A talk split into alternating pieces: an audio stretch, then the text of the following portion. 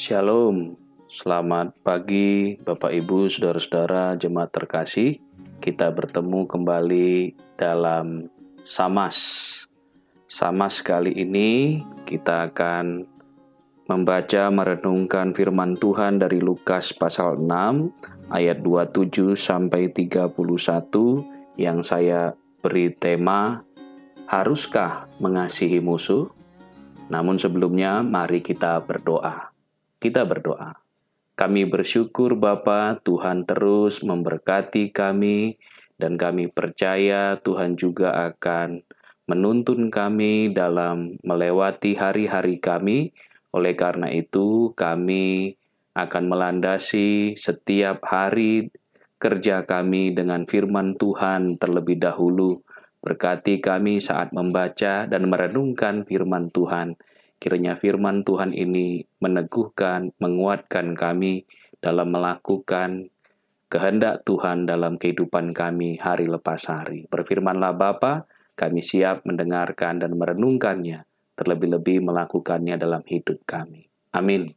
Saya akan bacakan Lukas pasal 6 ayat 27 sampai 31 yang berbunyi demikian. Tetapi kepada kamu yang mendengarkan aku, aku berkata, kasihilah musuhmu, berbuatlah baik kepada orang yang membenci kamu, mintalah berkat bagi orang-orang yang mengutuk kamu, berdoalah bagi orang yang mencaci kamu. Barang siapa menampar pipimu yang satu, berikanlah juga kepadanya pipimu yang lain, dan barang siapa yang mengambil jubahmu, biarkan juga ia mengambil bajumu. Berilah kepada setiap orang yang meminta kepadamu, dan janganlah meminta kembali kepada orang yang mengambil kepunyaanmu. Dan sebagaimana kamu kehendaki supaya orang perbuat kepadamu, perbuatlah juga demikian kepada mereka. Bapak Ibu jemaat yang dikasihi Tuhan, akhir-akhir ini kita merasa menjadi sulit menjadi orang Kristen di negara kita ini. Kenapa sulit? Kita tidak berbuat salah apa-apa, tapi ada aja orang yang membenci kita Bahkan sekelompok orang mengkafir-kafirkan orang Kristen. Tapi tidak semuanya seperti itu. Orang yang berbeda iman dengan kita tidak semuanya melakukan hal itu. Kita masih juga bersyukur bahwa banyak sekelompok orang yang juga bisa bersahabat, berbaik-baik, bahkan menganggap kita orang Kristen sebagai saudara mereka. Nah, di tengah-tengah orang yang sedang membenci kita. Firman Tuhan mengatakan, "Tetapi kepada kamu yang mendengarkan Aku, Aku berkata, kasihilah musuhmu, berbuatlah baik kepada orang yang membenci kamu."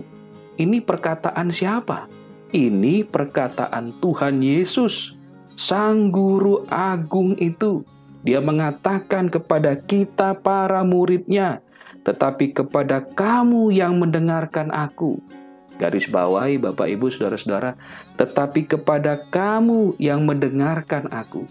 Jelas, tujuan perkataan inilah kepada kita yang mendengarkan sang guru itu. Yesus, sang guru agung itu, Tuhan kita itu mengatakan, "Kasihlah musuhmu, berbuatlah baik kepada orang yang membenci kamu." Kata musuh di sini adalah bukan karena kita berbuat salah, berbuat hal yang menyakiti orang lain, maka orang itu pantas memusuhi kita. Bukan. Tapi musuh di sini adalah kita tetap melakukan apa yang Tuhan ajarkan kita berbuat baik, kita berbuat benar, tetapi masih ada aja orang yang memusuhi kita. Tetapi kepada mereka yang memusuhi kita, kita diminta untuk mengasihi mereka. Berbuatlah baik kepada orang yang membenci kamu. Bapak Ibu, kita perhatikan kata-kata perintah di sini. Kata-kata perintah yang akhirnya lah kita perhatikan, kasihilah, berbuatlah baik, mintalah berkat bagi orang yang mengutuk kamu. Berikanlah juga kepada pipimu yang lain. Kalau kita ditampar, maka berikanlah juga kepadanya pipimu yang lain. Katalah, akhiranlah ini. Menunjukkan ini sebuah perintah yang harus kita lakukan. Kalau kita sebagai murid Tuhan yang mendengarkan perkataan Tuhan, maka haruslah kita melakukan perintah ini. Jadi, kalau tadi di judulnya dikatakan, "Haruskah mengasihi musuh?" maka jawabnya jelas, "Ini perintah, maka harus wajib untuk kita lakukan." Sulit, ya, tetapi bisa kalau kita benar-benar berpegangan pada perintah Tuhan maka Tuhan akan menuntun kita untuk melakukan firman Tuhan ini.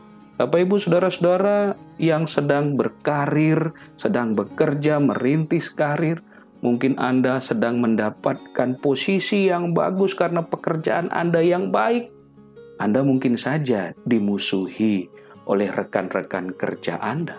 Anda yang sebagai pengusaha dengan segala apa yang Anda bisa, Anda berbuat baik, Anda menservis banyak orang, sehingga Anda benar-benar sebagai partner bisnis yang baik. Anda sukses, tetapi ada juga saingan bisnis yang membenci Anda. Bukan karena Anda berbuat salah, tetapi ada saja kemungkinan kita dibenci.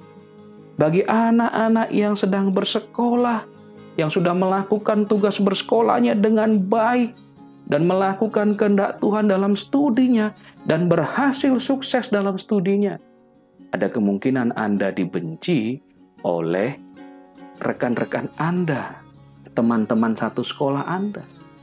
Nah, kepada mereka yang membenci kita, bukan karena kita berbuat salah dan pantas untuk dibenci, firman Tuhan justru memerintahkan kepada kita, kasihilah musuhmu, berbuatlah baik kepada orang yang membenci kamu.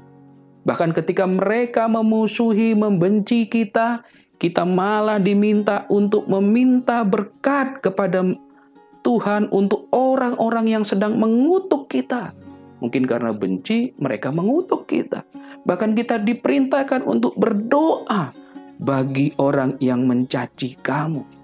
Bahkan ketika kita disakiti, kita diminta untuk tidak membalas, tapi justru memberikan pipi yang lain, ya, supaya mereka bukan untuk kita bonyok ditampar, bukan, tetapi itu tindakan yang membuat mereka malu karena kebaikan hati kita, karena kita tidak membalas perlakuan mereka, sehingga mereka akhirnya sadar bahwa perbuatan mereka itu perbuatan yang salah.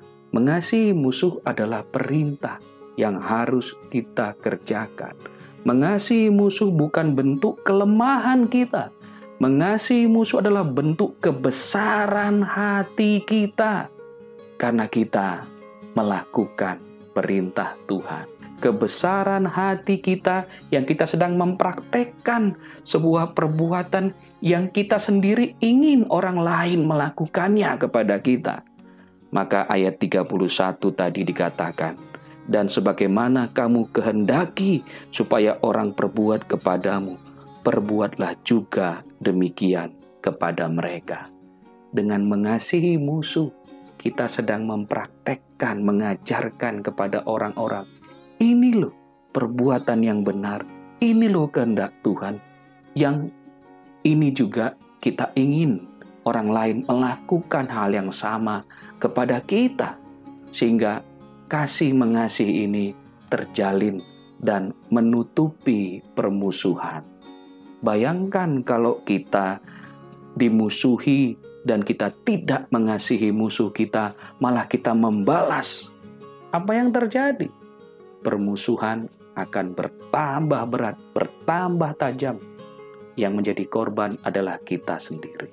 Kiranya firman Tuhan ini menolong kita untuk kita bisa dimampukan melakukannya dalam hidup kita mengawali tahun 2021 ini. Marilah kita wajib harus mengasihi musuh kita. Amin kita berdoa. Kami bersyukur Bapa firman Tuhan menegur dan mengajak kami untuk kami terus berbuat kasih baik. Bahkan kami mendoakan orang-orang yang memusuhi kami. Kami harus mempraktekkan kasih itu karena ini adalah perintah Tuhan. Dalam Kristus kami berdoa dan bersyukur atas firman Tuhan ini. Amin.